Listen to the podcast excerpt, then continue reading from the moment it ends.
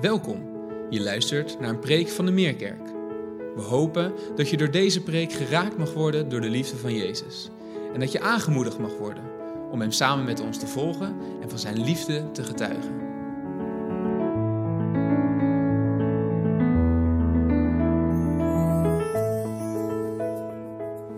Goedemorgen allemaal. Nou, wat goed zeg, wat een respons. Goedemorgen. Achterin ook, jullie zijn nog wakker van de zomerkampen. Lukt het allemaal nog? Ik zal mijn best doen om jullie wakker te houden, nog even het komende half uur. En eh, allemaal heel dapper dat ze hier gewoon zijn. Hè? Hey, kom op, hè? gewoon bikkelen. En eh, we gaan, eh, ik ga een, een Bijbelvers voorlezen en die heb ik in 2016 ook voorgelezen. Vinden jullie het goed als ik het nog een keer doe? Dat redden jullie wel, één keer in de zes jaar. Het gaat over Marcus 4. En nou, we gaan eens even voorlezen. hè. Ik, ik weet niet, misschien eh, hebben jullie geen idee wat ik nu doe. Want jullie denken misschien nog steeds dat ik bij World Vision zit. Eh, het is een heel klein dingetje. Ik zit inmiddels bij het leger des Heils. Het kan toch bijzonder lopen in een mensenleven. Ik ben daar strategiedirecteur, dat doe ik, dat doe ik twee jaar. En eh, ik kijk 15 jaar vooruit met het leger des Heils. En dat is omdat er nogal wat verandert in de samenleving. Dus de grote vraag voor het leger is, hoe blijven we onszelf, hoe blijven we koersvast, als het gaat over waar we zelf in geloven. Doen wat we geloven, dat is een beetje de, hè, het motto van het leger. Maar dat, ja, de druk neemt toe om toch iets anders te doen dan je gelooft soms. Zeker als je een half miljard aan subsidies krijgt van de overheid en er 7000 mensen werken. Dus dat is echt investeren. Nou, daar zijn we mee bezig. Leuk. Is er iemand die bij het leger zelfs werkt hier? Kijk, er is altijd wel een dapper iemand. Ik heb, ik, hoe meer, ik ben natuurlijk een kantoorsmurf die op het hoofdkwartier zit en ik kijk v- 15 jaar vooruit. Maar de echte helden, de echte helden, die zitten in alle programma's en locaties. Diep respect. Hoe meer ik van die locaties bezoek, hoe groter mijn respect wordt voor de mensen van het leger zelfs. Wat een ongelooflijke uitdrukking van Gods liefde, volharding. Altijd weer iemand een nieuwe kans geven en weer een nieuwe kans en weer een nieuwe kans. Het houdt niet op. Als je onvoorwaardelijke liefde wil proeven, even langs bij het leger des Heils. En ik dus niet, dat zijn diegenen daar in de locaties. En er is nu ook een Major Bosharthuis en die is net geopend eh, op de Wallen door eh, niemand minder dan onze koningin. Dus als u nog eens wil, wat meer wil zien over het leven van Moja Boshart, dan is dat eh, op de Wallen. Dit was het kleine reclameblokje. We gaan nu naar Marcus 4. Ehm, Marcus 4. Aan het einde van die dag, toen het avond was geworden, zei hij tegen hen: Laten we het meer oversteken. Ze stuurden de menigte weg en namen hem mee in de boot waarin hij al zat. En voerden samen met de andere boot het meer op. Er stak een hevige storm op en de golven beukten tegen de boot, zodat hij vol water kwam te staan. Maar hij lag achter in de boot op een kussen te slapen.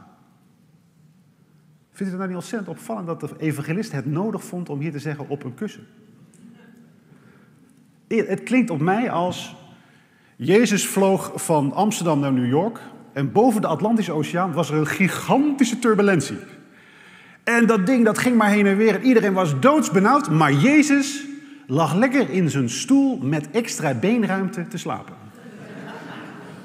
Zo komt het op mij over. Waarom die extra beenruimte? Waarom dit kussen? Maar hoe dan ook, het laat misschien ons ook gewoon zien dat Jezus mens was. En dat hij niet alleen maar een asceet was die in een soort monnikencel eh, het leven doorging. Misschien had hij ook wel een, misschien een beetje nekpijn. Misschien vond hij dat wel prettig. Toch blijft het knap in een bootje wat zo doet om rustig door te slapen. Doet hij.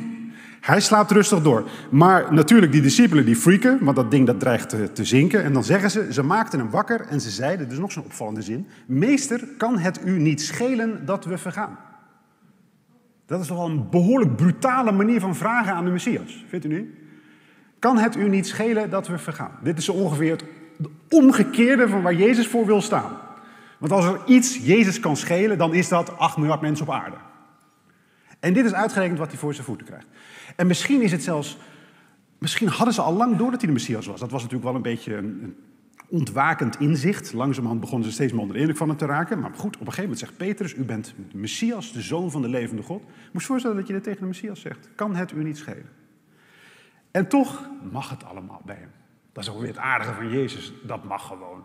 En hij wordt natuurlijk wel een beetje. Hij, hij, hij is eigenlijk meer teleurgesteld dan dat het kan schelen hoe ze het gevraagd hebben. En dan zegt hij: Toen hij wakker geworden was, sprak hij de wind bestraffend toe en zei tegen het meer: Zwijg, wees stil. De wind ging liggen en het meer kwam helemaal tot rust. En dan zegt hij: Waarom hebben jullie nou zo weinig moed? Geloven jullie nou nog steeds niet? En dan werden ze weer bevangen door grote schrik, nieuwe schrik. En dan zeggen ze tegen elkaar: Wie is hij toch dat zelfs de wind en het meer hem gehoorzamen? Ziet u hoeveel wonderen wij nodig hebben om een beetje door te krijgen dat het de Messias is? Dit was echt niet het eerste wat hij deed. Hij had al indruk gemaakt. Zoveel wonderen heeft Jezus nodig om ons op indruk op ons te maken. En moet je je voorstellen, dat doen wij dan zonder. Hè? Die discipelen. A-merk behandeling. Echt gewoon, dit is comfortzone behandeling wat ze krijgen als het gaat over kennismaken met de Messias. Eerste klas behandeling, want ze mogen er met hun neus bovenop, krijgen ze al die wonderen te zien. Wij doen het zonder die wonderen. Maar zelfs met al die wonderen blijft het nog moeilijk om te geloven in de Messias. Blijft het nog moeilijk om niet te denken, kan het er misschien niet schelen? Als het een keertje misgaat. Het is zo lastig om zelfs met een hele soort wonderen om je heen vast te houden aan de Messias. Dat, dat is eventjes voor u in deze zomer om een beetje tot rust te komen als u vindt dat u niet genoeg geloof hebt. Als zou u omringd worden door een Messias die wonderen doet, is het nog moeilijk om te geloven. Waarom? Tegendruk. Er zijn de zorgen in het leven kunnen zo groot zijn dat zelfs een wonderdoener om je heen het nog moeilijk maakt om te geloven. Calm down. Rustig maar. Het is een hele, het is een godswonder als we geloven, als we erin vaststaan. Vier dat maar gewoon. Ook als je op halve stand staat in de zomer. Geloven blijft iets heel bijzonders. Maar goed, deze gelooft. Deze discipelen geloven, want die hebben gezien dat hij de wind en het water tot stilstand wist te brengen. Waar ik het nou over wil hebben is eigenlijk, hoe doen wij dat dan? Hoe kunnen wij geloof uitdrukken in de storm waar wij in zitten? Dus het gaat nou niet even over deze Marcus 4 zozeer, het is een aanleiding. Jezus krijgt het voor elkaar om rustig te slapen in de storm. Hoe ziet dat eruit in onze tijd? Want er is een hoop wat er gebeurt op dit moment, waar ook, wat ook behoorlijk stormachtig is. Onze hele wereld, Nederland, alles zit op dit moment in een vreselijke storm.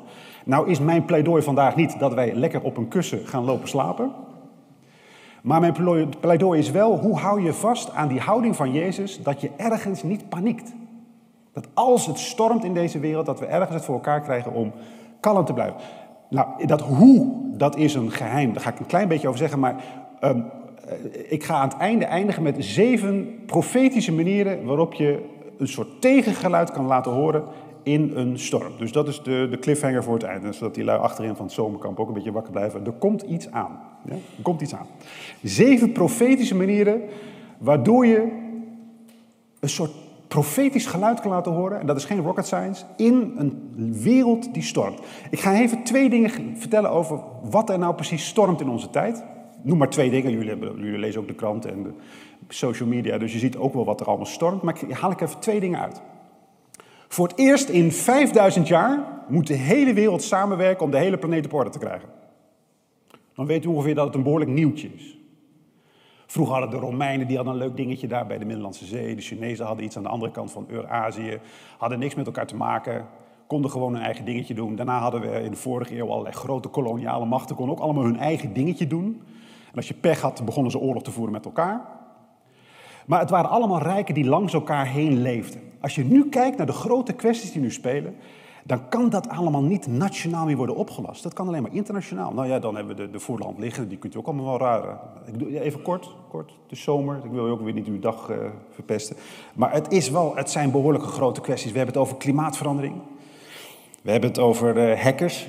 Ze zijn nog niet langs geweest, maar als ze een keertje New York in het donker zetten, dan weten we, oh ja, die hackers die waren er ook. Uh, we hebben om de zoveel tijd terroristen, grote vluchtelingen en migrantenstromen. Pandemieën, die noem ik ook al jaren, maar nu weten we dat die bestaat. Pandemieën. Dan hebben we waterschaarste, internationale criminelen. Waarom doen die lui het zo goed, die internationale criminelen? Omdat er geen internationale politie is. Je moet wel iemand hebben die achter je aanloopt als je een internationale crimineel bent. Zelfs dat internationaal gerechtshof doet het niet erg lekker, want er zijn heel, hele grote landen die dat hele internationale gerechtshof niet, uh, niet accepteren. Dus je hebt niet eens een internationale rechter in de internationale politie. Nou, als u een mooie florerende carrière wil, internationale criminaliteit. Um, nucleaire risico's. 12.500 kernkoppen die nog steeds beschikbaar zijn.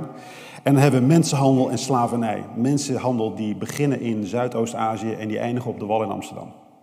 Wij hebben daar gewoon mee te maken. Dit zijn allemaal kwesties, als u dat zo hoort, en nu, nu stop ik met al die kwesties. Maar als u deze kwesties hoort, dan is één ding duidelijk. Je kunt dat niet nationaal oplossen. Dan moet je samenwerken over grenzen heen. Dan moeten we met de hele planeet, als het ware, de planeet op orde gaan krijgen. Nou, dat is nog niet zo eenvoudig. Want wat is nou de grote ironie van onze tijd? In de tijd dat we met z'n allen moeten gaan samenwerken, neemt het nationalisme een hoge vlucht. Uitgerekend nou we met elkaar de planeet op orde moeten krijgen, is het ineens heel belangrijk geworden dat we Nederlanders zijn. Of Frans, of Duits, of wat dan ook. Ineens gaan we heel erg hechten aan onze nationale identiteit. Niet zo heel gek natuurlijk, want je kunt het niet alleen maar hebben over die hele planeet. Je moet ook ergens gewoon lokaal thuis kunnen komen. Dus helemaal niet zo gek dat we ook wat in willen investeren in onze eigen cultuur en ons weer thuis willen kunnen voelen in ons eigen land. Maar de grote kwesties zijn geen nationale kwesties. Dat zijn grote internationale kwesties. En hoe pakken we dat aan? Nou, wat we nu vooral doen is luiken dicht. Net alsof de rest niet bestaat. Heel hard gaan nadenken over hoe kan Nederland winnen bij de volgende WK.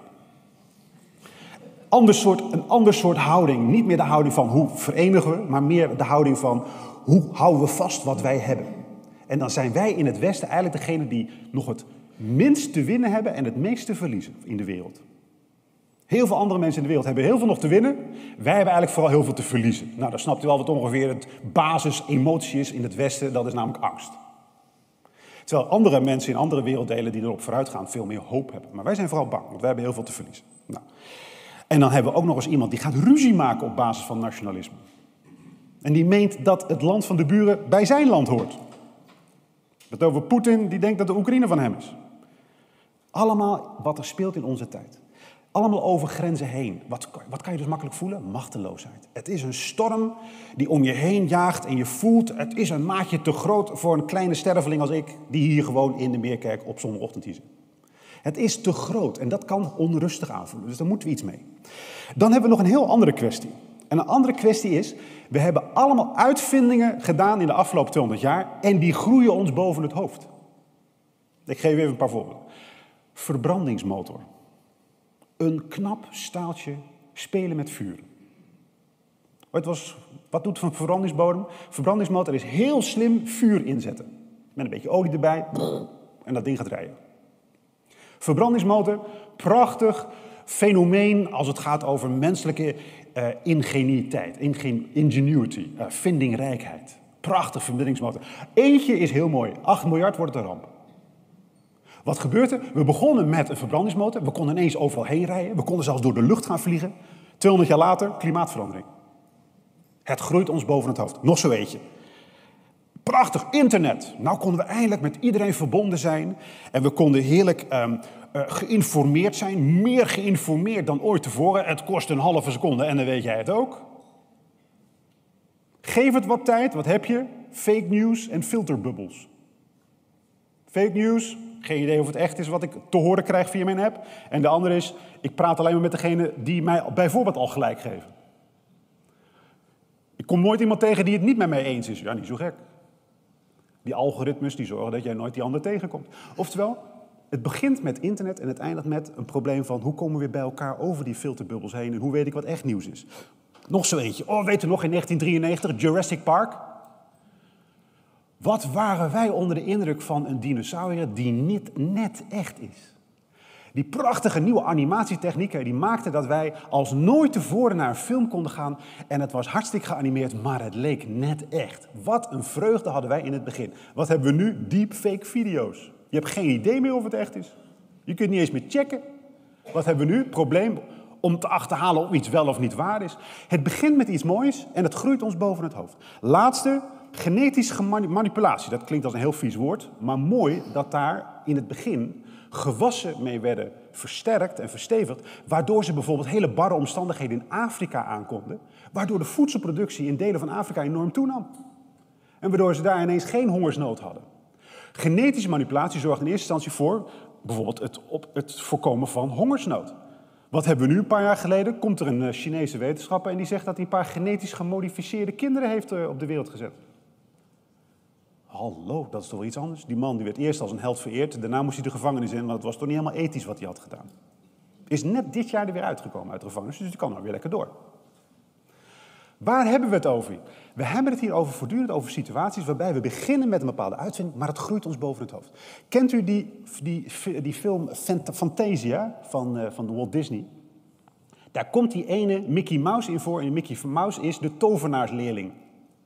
Kent u die film? Prachtige muziek erbij. Kom op, Fantasia. Deze zomer, tijd zat. Fantasia, 1940, Walt Disney. Tovenaarsleerling moet een paar rotklusjes van zijn, eh, van zijn tovenaar uh, oplossen. tovenaar gaat weg en die zegt, ga jij maar even wat water uit de put halen. Tovenaarsleerling heeft er helemaal geen zin in. En wat doet hij? Die, gaat, die heeft net wat, nog wat magie in zijn huis. En die gaat een bezem gaat hij zo uh, betoveren dat die bezem voor hem water gaat halen. Herkent u hem al? Bezem gaat hem halen. En hij gaat lekker een tukkie doen. En wat gebeurt er? Die bezem die stopt niet met, adem, met, uh, water halen. Wat doet hij? hij? Hij probeert allerlei magie. Hij probeert die bezem tot stilstand te brengen. Maar de bezem gaat maar door. Hij krijgt die bezem niet tot stilstand. Pakt een bijl. Hakt die bezem door het midden. Komen er twee bezems die water gaan halen. Water halen. Weer hakken. Splaanders. Alles wat maar, wat maar delen is, wordt weer bezem. En het wordt alleen maar meer water en meer water. En hij weet niet meer wat hij doet. Hij had de magie om het te beginnen. Hij had niet de magie om het te stoppen. Pas als de tovenaar langskomt, heeft hij uiteindelijk een spreuk, die tovenaar. En die zegt dan vervolgens, en die beëindigt dat dan, en die zegt dan vervolgens tegen die tovenaarsleerling: Als je niet de magie hebt om iets te stoppen, moet je er ook niet aan beginnen.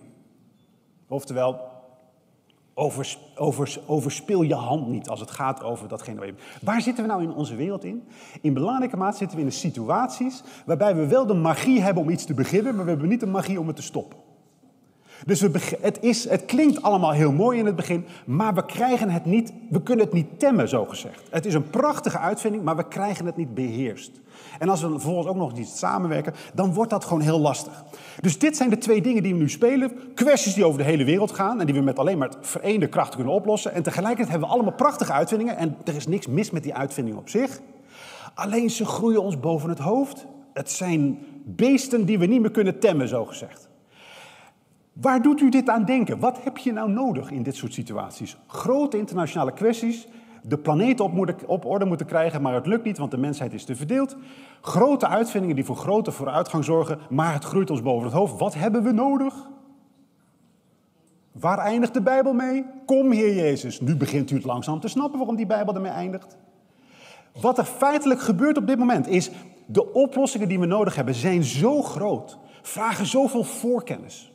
Zoveel controle, dat we langzamerhand in een behoorlijk messiaans tijdperk tegenkomen. Het begint eigenlijk wel de dikte bovenop te liggen dat we een messias nodig hebben. Ik denk dat zelfs als je een atheïst bent, kun je het nog met me eens zijn. Dat je denkt, ja, ik denk niet dat die komt, zegt die atheïst. Maar het zou wel een goed idee zijn, zo'n messias. Want wie kan dat aan de planeet op orde krijgen? Wie gaat met zoveel macht? Wie kan met zoveel macht omgaan om voor 8 miljard mensen een oplossing te zorgen met alle beestjes erbij? Wie kan dat aan om bijvoorbeeld al te weten dat als je met een uitvinding begint of met een nieuwe technologie, dat je bijvoorbeeld al weet wat er mis kan gaan? Daar hebben we echt een Messias voor nodig. Nou, Messias gaat komen. Dat is het goede nieuws voor deze ochtend. Die gaat komen. Dat is nou wat we nou al 4000 jaar zeggen. Nou ja, 3000. De Joden die begonnen ook al. Toen de Joden wij redden dat niet om een licht voor alle volken te zijn. Dan zie je zo, duizend voor Christus, achtste eeuw voor Christus, zie je dat Messias verlangen zie je opkomen. Je ziet het bij Jesaja komt dat binnen. Oh, wat fantastisch als er een keer een Messias is die wel kan wat wij niet kunnen. Dat begint, hè. En dan krijgt de Messias een naam en dan krijgt hij Jezus, wordt de naam, God met ons. Daar komt Christus achter, want hij is de Messias. Dat is gewoon Grieks voor, voor Messias. En dan begint dat, die hoop op de Messias. Nou, daar zitten we nu. We zitten in die hoop op de Messias. En het is nog nooit zo relevant geworden dat we hopen op de Messias. En het is ook nog nooit, kan het zoveel effect hebben op deze wereld als je hoopt op de Messias. Wat is het grote effect als wij nog steeds durven te hopen op de Messias, dat we dan in ieder geval niet zelf aan een Messias-complex gaan leiden? En niet gaan denken dat we zelf voor God moeten gaan spelen op aarde. De balans die we nou hebben te vinden is aan de ene kant dat wij wel degelijk een hele hoop van de dingen die nu niet kloppen in deze wereld zelf hebben veroorzaakt en dat we gewoon zelf verantwoordelijk zijn om dat op te lossen. Ja, we gaan dus niet in bed liggen, we gaan niet niks doen en maar wachten op de Messias. We gaan doen wat we kunnen. Aan de andere kant, het groeit ons boven het hoofd. Het is ook heel gezond in deze tijd om te zeggen, God, we doen wat we kunnen, maar het is toch een heel goed moment voor de Messias om nu langs te komen. Dus we doen wat we kunnen, maar dat besef van die Messias houdt ons wel met de benen op de grond. Het is gewoon heel groot waar we nu voor staan. Als je zelfs mensen kan gaan zitten verbeteren en kan zitten knutselen aan de blauwdruk van de mens, dan begint het behoorlijk boven ons hoofd uit te groeien. Want we hebben geen idee waar we mee bezig zijn. Maar het is wel heel leuk als je ermee kan spelen met die DNA van de mens. Oftewel, die Messias is heel belangrijk. We doen wat we kunnen. De Messias kan ons met beide benen op de grond houden. Maar er gebeurt nog iets. En dat is dat we tegelijkertijd in die verwachting van de Messias daarin al kunnen gaan staan. En in die verwachting misschien ook wel meer dan onze omgeving tot rust kunnen gaan komen. Dat we ergens kunnen blijven gaan vasthouden aan de gedachte: het glipt de Allerhoogste niet door de vingers. En dat zelfs als het stormt en wij denken hij ligt te slapen op een kussen, die Messias, dat het dan nog steeds goed gaat komen. Want dat is toch wel een beetje het gevoel dat we soms kunnen hebben: dat de Messias ligt te slapen op een kussen terwijl het stormt. Waar of niet? Dat je denkt, jongen, jongen, doe er een tandje bij, Heilige Geest, want het schiet niet op. Het wordt te groot hier. Je snapt, dat, je snapt dat, dat die frustratie van de discipelen kunnen we nu als nooit tevoren snappen. Ja, het stormt en het hoort eigenlijk niet dat de Messias ligt te slapen op een kussen. Wij zouden heel graag willen dat hij langskomt. Wat God van ons vraagt is dat hij eigenlijk tegen ons zegt, hang in there. Hou vol, hou vol. Ik ben niet weg, ik ben vlakbij. Die storm gaat tot bedaren komen, maar op mijn tijd. Hou vol. Doe wat je kan vandaag. Maar val niet in een Messias-complex en niet in een God-complex, alsof jij alles kan oplossen, want het is te groot op dit moment.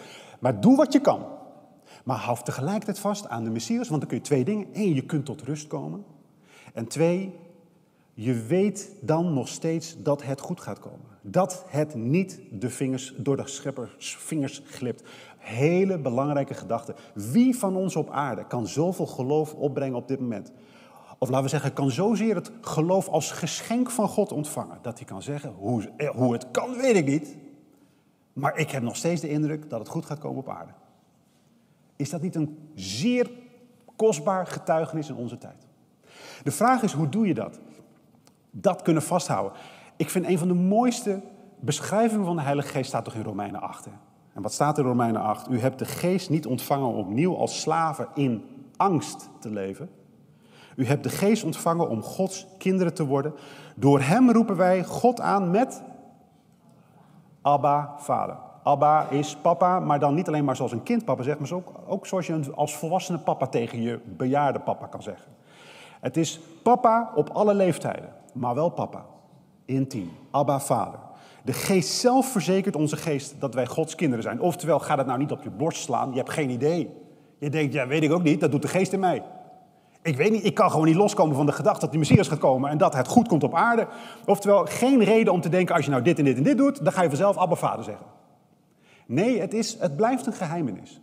Maar als je het kan zeggen, als je kan proeven, die wereld is veilig bij God omdat het onze eigen Vader is die deze wereld in de hand heeft. Omdat het onze eigen Vader is die leven wil laten leven, elk moment van de dag. Die ons het leven schenkt, elk moment van de dag. Als je zo erin kunt staan dat het God dit leven wil, ons wil, als zijn eigen kinderen, dan kan je papa zeggen.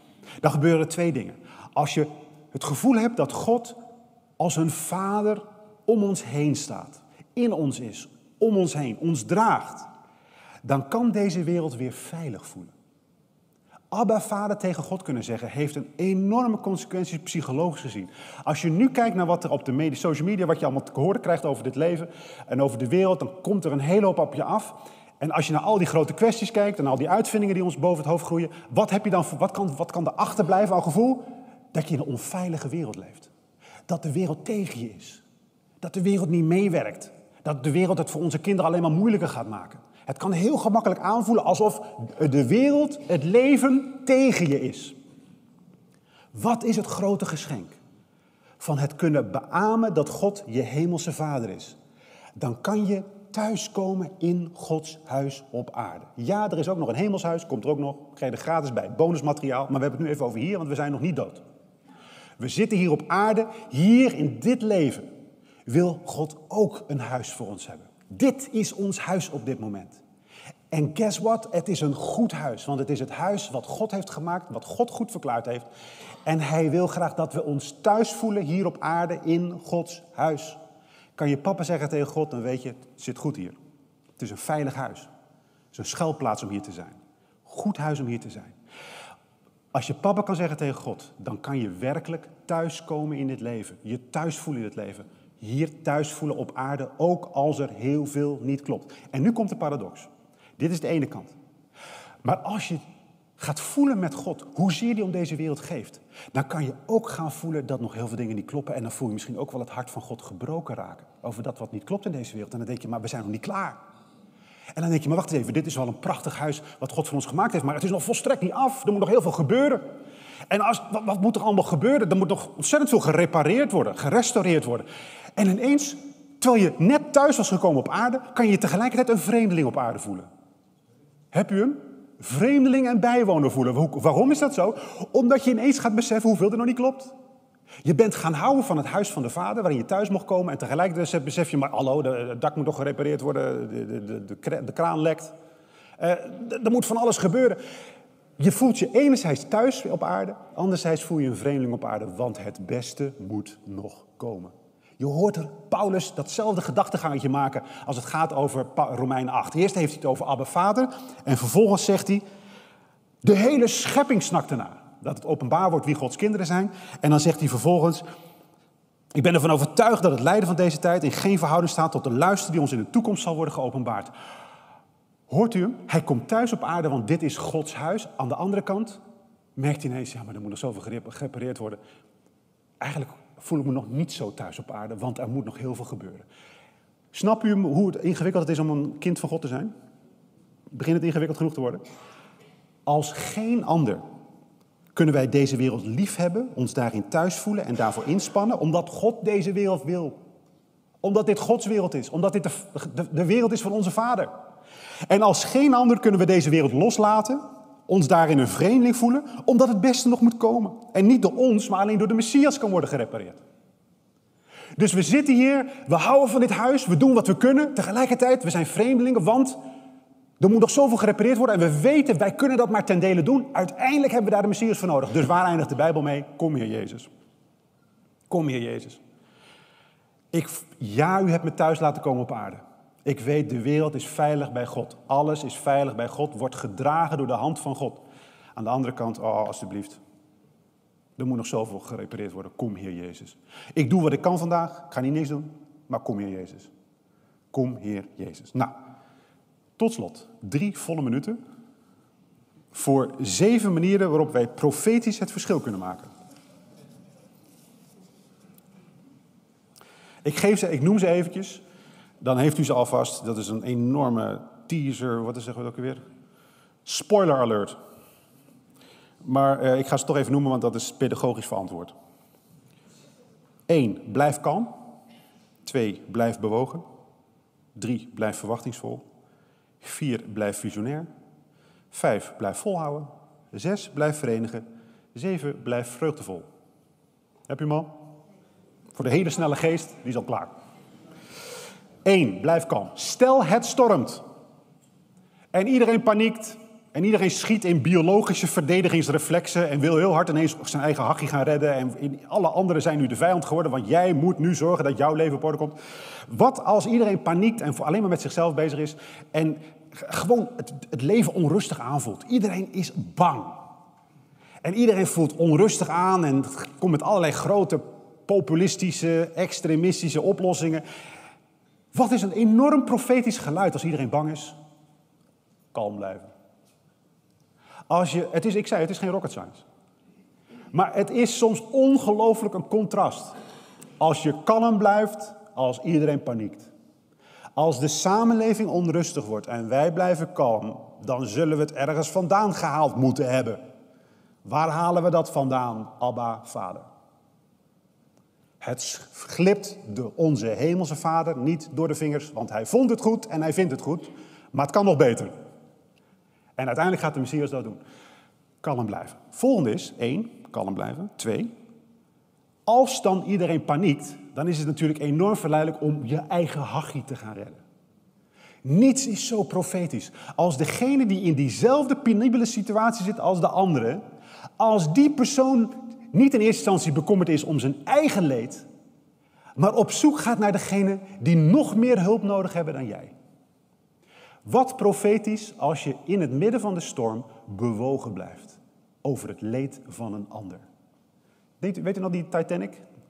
Ja, dat is nou weer, eh, ook weer niet opbeurend, zo'n Titanic, maar Titanic 1912, nacht van 14 of 15 april. Dat ding dat zinkt.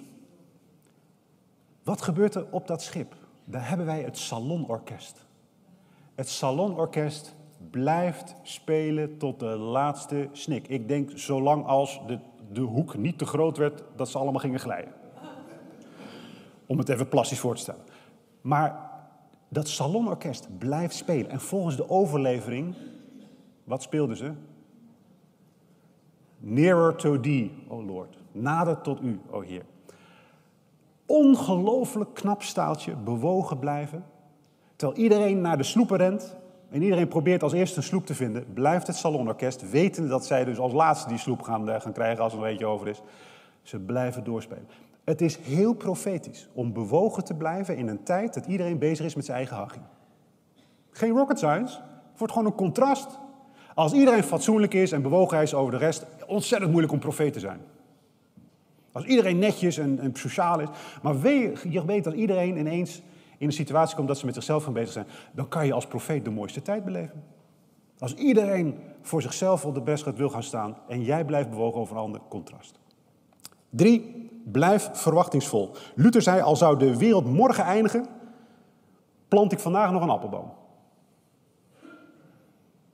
Blijven investeren in deze wereld. Blijven geloven dat het goed komt. Blijven geloven met die appelboom dat deze wereld altijd de moeite van het investeren waard is. Waarom? Omdat God erin gelooft.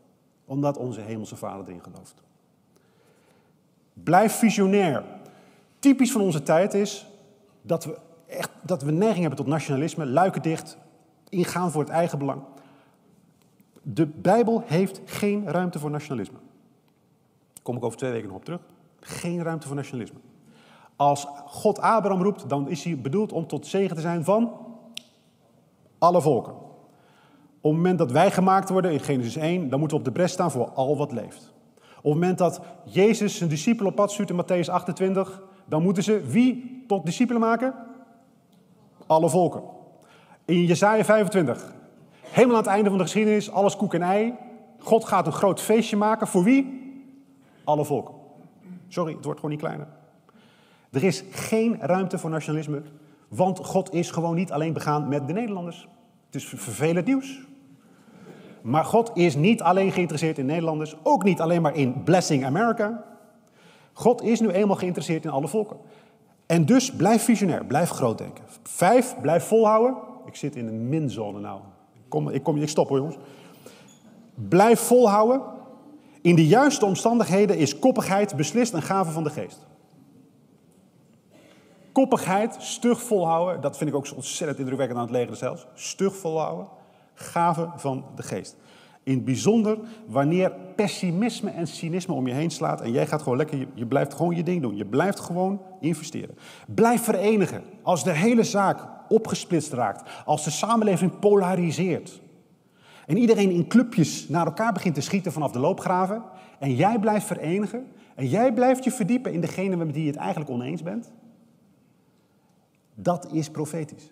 Blijven verenigen als de samenleving verdeeld raakt. En het laatste is, blijf vreugdevol.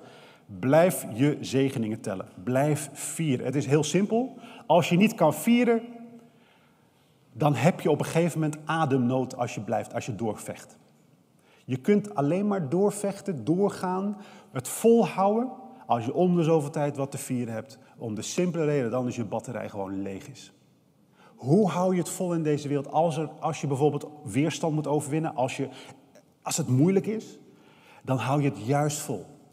Om de zoveel tijd even eventjes te vieren, even weer je gedachten te zetten op de onverwoestbare goedheid van alle dingen. Eerste wat Jezus doet op het moment dat hij aan zijn bediening begint, is wat? Heb, eerder, heb ik al eerder genoemd, dus eh, kom op. Zorgen dat het feestje is gered. Zorgen dat de wijnvoorraad klopt, doe maar wat je wil. Druivenvoorraad klopt, hangt er vanaf. Als je bij het leger zelfs hebt, dan heb ik het over de druivenvoorraad. Maar het eerste wat Jezus doet, is niet rennen naar de lam en de blinden. Maar eerst maar eens even zorgen dat wij het leven kunnen vieren. Begin met het leven vieren, want het leven is onverwoestbaar goed. Daarna heb je pas de energie om ook nog eens na te denken over het kwaad wat de rest van de dag nog in, in petto heeft. Begin met vieren en daarna kan het leven genoeg op je bordje leggen. Waar heb ik het over gehad? Ik heb het gewoon simpelweg over gehad dat we in een samenleving liggen die stormt. En dat het des te belangrijker wordt als er nog mensen zijn op aarde en in Nederland en in Hoofddorp en in Amsterdam, zie maar waar je woont. Het wordt des te belangrijker dat er nog een paar mensen zijn die Abba Vader tegen God kunnen zeggen. En die nog steeds kunnen bidden waar de Bijbel mee eindigt. Kom, Heer Jezus. Het voorkomt dat wij in een Godcomplex gaan komen. Dat we denken dat wij als een God deze planeet op orde kunnen brengen. Het lukt ons niet, want we hebben vaak niet de consequenties door van wat we doen. En we kunnen heel moeilijk onszelf verenigen. Waar is de Messias die ons kan verenigen? Waar is degene die weet wat wij niet weten? Kom, Heer Jezus. Tegelijkertijd, we doen wat we kunnen. Maar we doen dat op zo'n manier dat het profetisch begint te lijken in onze tijd. Waarbij we kalm blijven, bewogensvol, verwachtingsvol, wat hebben we allemaal visionair, volhouden, verenigen, vreugdevol. Juist omdat het een contrast begint te vormen met de samenleving om ons heen. En dan worden wij weer van grote waarde. Niet omdat wij gaan lopen preken, maar omdat wij in onze manier van leven een soort ankerpunt kunnen gaan worden voor anderen die zich onrustig voelen. En die het gevoel hebben dat het allemaal door de vingers glipt. En dan zeggen we: nee, deze wereld is nog steeds veilig bij God. Hou vol, Hij komt. Amen. Zullen we even bidden? Ik, ik heb uh, min tijd voor gebed, maar de hemel kan dat niks schelen, denk ik.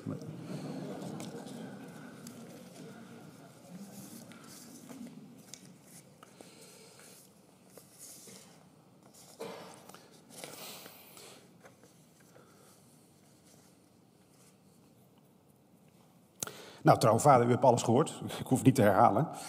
Uh, het, is, uh, het is gewoon een groot voorrecht. En wat, wat, wat heerlijk dat wij uh, trouwe vader kunnen zeggen tegen u. En um, mochten we dat even vandaag niet voelen, dan, dan weten we in Romeinen 8 dat u dat aan ons duidelijk maakt. Dus dan vragen we ook nu, kom met uw Heilige Geest.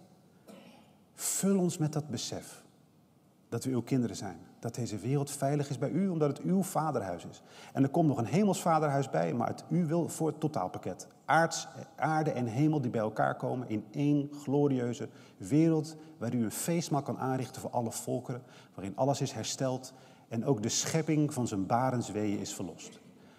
Wij vragen u om uw Heilige Geest, zodat wij Vader kunnen zeggen tegen u, veilig kunnen voelen op aarde en een profetisch geluid mogen zijn in deze wereld. Door Christus onze Heer. Amen.